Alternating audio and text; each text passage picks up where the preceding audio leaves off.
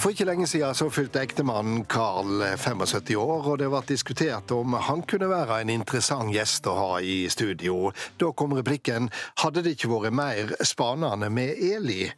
Jeg heter Harald Stanghelle, og nå skal du få høre min samtale med Eli Hagen.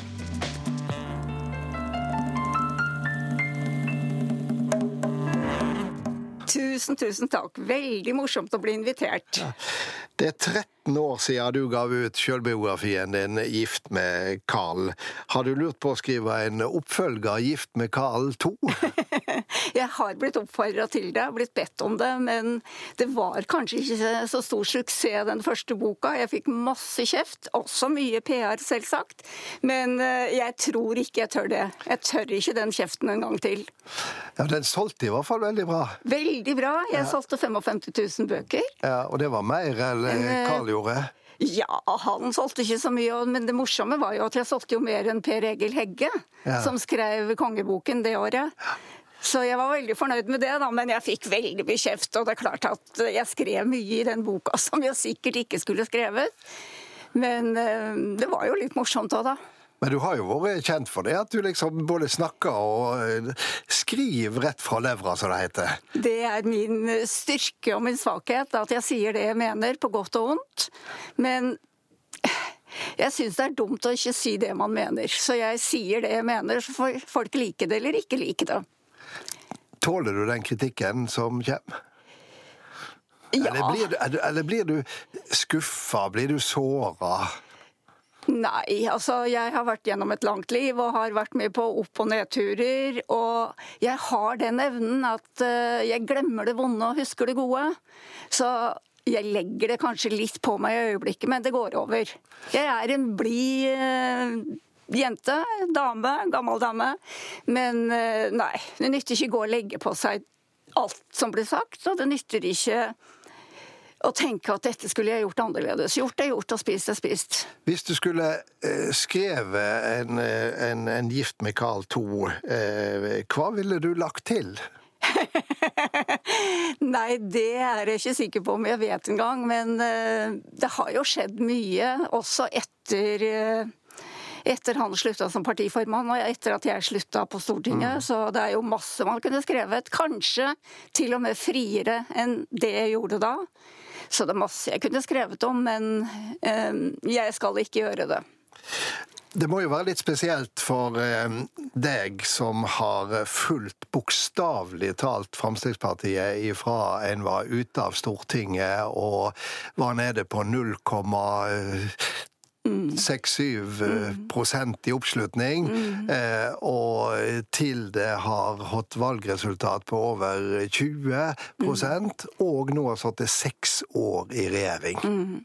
Ja da, da jeg eh, traff Carl, så kjente jeg han ikke, visste ikke hvem han var. Han overtok som formann da det var det vel 0,7% på gallupen. Mm. Og han greide jo faktisk å bygge det opp til et stort parti. Det var 33% da han gikk av. Ehm, det er eh, ikke bare positivt å følge Fremskrittspartiet i dag, for jeg kjenner nesten ikke igjen partiet. Men eh, det er ikke det partiet jeg jobber for i Stortinget lenger, syns jeg. Hva er den store forskjellen? Store forskjellen er jo selvsagt at de har gått inn i eh, regjering og må føye seg etter andre partier. Altså får ikke gjennomslag for alle sine saker. Men de, har de mista denne, denne, kontakten med grasrota? Noen ganger så føler jeg det, i hvert fall nå når vi snakker om eh, f.eks. Bom, dette bomopprøret. Mm. Så er det klart Fremskrittspartiet har vært det eneste partiet som har vært mot bommer. Men det hjelper jo ikke når det er et 16 eh, %-parti som det var ved siste valg. Mm. Så hjelper det jo ikke når alle de andre vil ha bommer. Men du sier at du kjenner ikke igjen partiet. Det må jo være noe med, eh, med, med språket også som er blitt mer polert, da? Jeg syns kanskje ikke at de er så friske som eh, det var da Carl var formann. Nå er jeg inhabil, det vil jeg bare ha sagt. Men jeg syns de er blitt mer lik de andre. Det, altså, de er blitt kjedelige. Unnskyld at jeg sier det, men jeg syns de har blitt mye mer kjedelige. Det er klart det er ikke lett å sitte i regjering, men jeg syns noen ganger at de kunne vært litt mer eh, friske. Jeg savner friskheten. Per Sandberg skrev jo i sin selvbiografi eh, som kom ut høsten 2013 at eh, enkelte Frp-politikere var blitt glatte som biljardkuler. ja, nei, det vil jeg ikke si kanskje, men eh, jeg syns jeg har blitt veldig lik alle de andre. Og har kanskje ikke den klare talen lenger, som jeg savner, da. Men er det kontakt med grasrota som, som, som mangler? Jeg syns det. Altså nå snakker jeg igjen om dette bomopprøret. Nå var, hadde Fremskrittspartiet et landsmøte mm. hvor de enstemmig vedtok at de kunne bruke overskuddet på, på, nei, på oljeinntektene. De fikk jo 738 milliarder. Det er så mye penger, vet du, at du og jeg skjønner det ikke. 738 milliarder som de ikke visste om. Mm. Kunne de ikke tatt litt av de pengene og fjerna disse bom bommene. Dette er jo norske befolknings penger. Er det så enkelt? Vet du hva, akkurat i denne saken er det så enkelt at norske politikere forstår det ikke. Jeg tror at hadde de fjerna eh, bommene, og de har betalt ned alt som er prosjektert, de hadde stoppa bomlistene, det hadde blitt mer stabilt. Altså, Få inn disse bomlistene som du ikke aner hva står for, er jo et problem. Så jeg tror at dette hadde ikke økonomien merka i det hele tatt. Nå har jeg hørt i flere tiår på eh, din ektemann Karl I. Hagen, som, som, som, har sagt at eh, han ikke har fått snakka ordentlig ut i media. Så nå tenkte jeg at nå skulle i hvert fall du få snakka ut og holde ja, din, din, appell. jo, altså nå er jo ikke jeg politiker, da, men jeg Nei. mener jo at jeg har litt kontakt med grasrota. Og jeg mener at jeg snakker med folk som vet hva som rører seg blant uh, folk. Og jeg men du sier at du er ikke politiker, men du har jo hatt enormt stor innflytelse på eh, Fremskrittspartiet? Ja, det kan vel diskuteres. Jeg har prøvd og sagt hva jeg mener. Og så har de valgt å lytte på meg noen ganger, og så har de langt rista på hodet andre ganger. Så Har du ofte vært, vært sint på eh, Carl I. Hagen? Ja, det har jeg selvsagt. Når han ikke har hørt på meg, for da sier jeg at du skulle hørt på meg, vet du, for da hadde det gått mye bedre. Så det er klart, ja, vi er jo ikke enige om alt, så jeg har vært sint på han.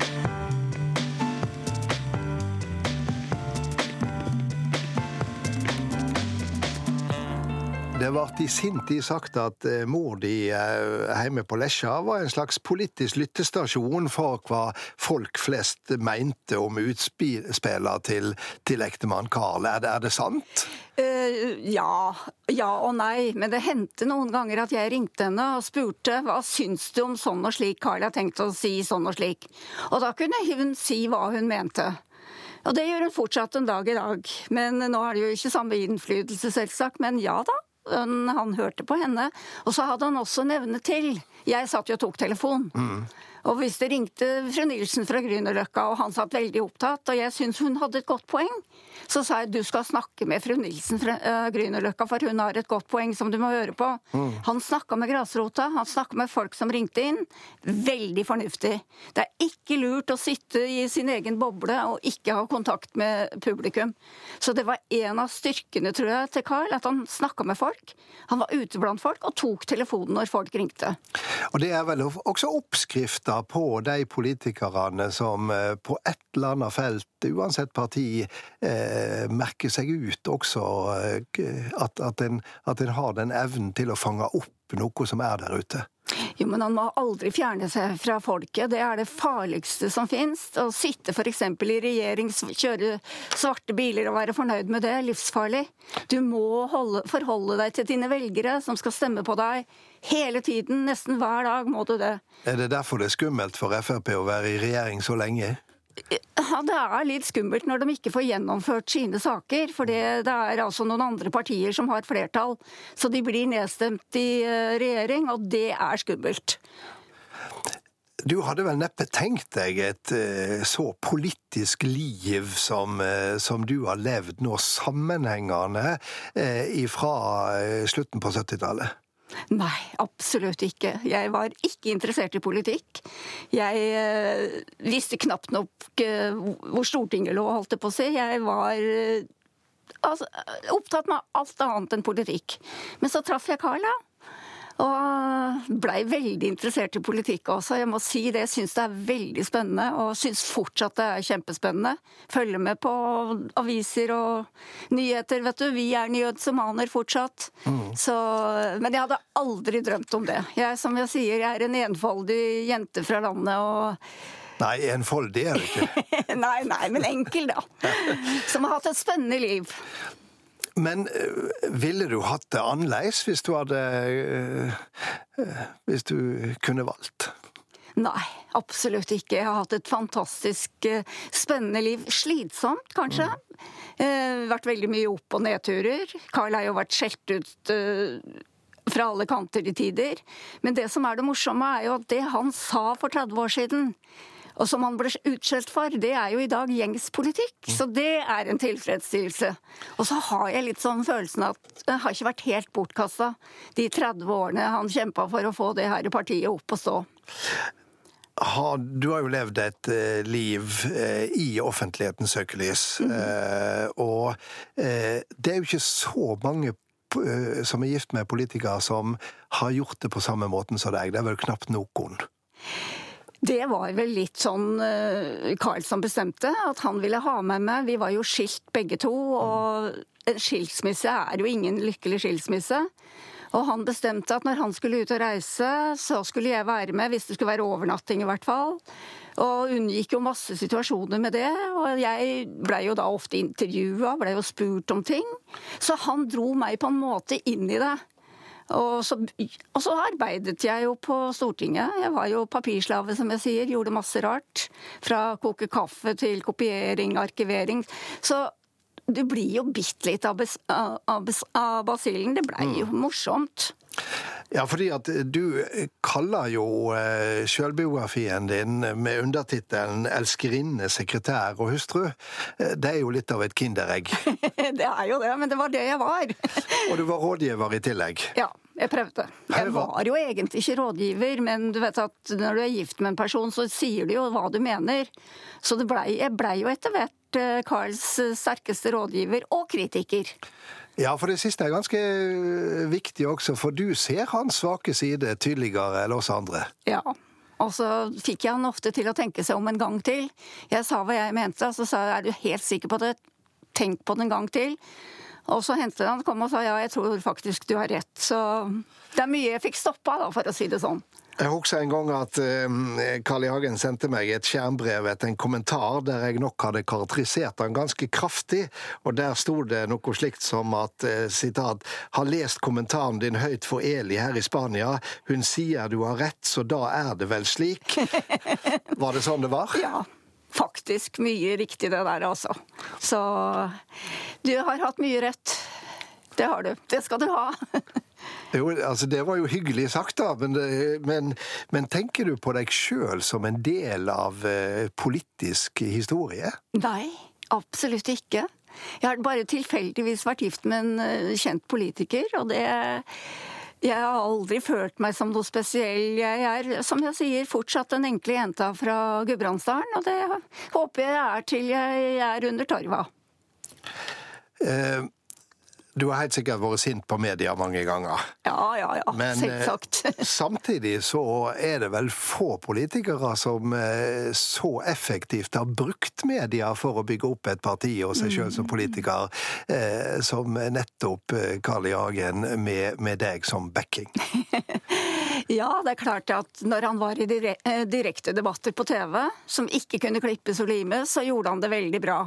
Men skriftlig media var jo på jakt etter han hele tiden. Det var det, var det som redda oss, var direktesendte TV-program. Det var det som skapte suksessen? Ja. Jeg husker i 1979, da leide jeg videomaskin. Han var jo på valgkamp rundt omkring. Og Reiulf Steen var utspurt i TV av Geir Helgesen og Lars Jakob Krogh og det gikk fryktelig dårlig. Han svarte ikke ja nei på noen ting, og da han kom hjem, så sa han nå skal du sette deg og se på den uh, utspørringa, Reiulf Steen, det er din tur i morgen, og du skal ikke si ja eller nei. Og det gjorde han og vippa hele politiske Norge av pinnen. Og vi gikk opp 6% tror jeg, etter den, eh, etter den seansen. På onsdag så sendte jeg deg en SMS for å avtale en liten prat om de temaene vi skulle snakke om, om i dag. Og da kom det et overraskende svar. For i eh, din SMS så sto det Hei, Harald. Det er bare å ringe, men til info så liker jeg best å ikke vite spørsmål på forhånd. Da går jeg ikke og tenker på hva jeg skal svare, og det blir mer spontant og levende. Med vennlig hilsen Eli. Ja. Er du så tøff som det verker? Nei, men jeg vet at det blir eh, veldig tilgjort hvis jeg, skal, jeg, får spørsmål fra deg. Dette skal vi snakke om. Og så går jeg og tenker hva skal jeg svare på det, hva skal jeg svare på det? Og så blir jeg fryktelig nervøs. Og da blir det ikke bra radio. Så jeg liker faktisk best å få spørsmål spontant, og så kan jeg godt hende at jeg svarer noe galt, men jeg svarer. Og jeg liker altså best å få vite altså spørsmålene spontant. Tusen takk for spontaniteten, og tusen takk for praten, Eli Hagen. Og ta med deg en litt forsinka hilsen til 75-årsjubilanten eh, Carl der hjemme. Tusen takk.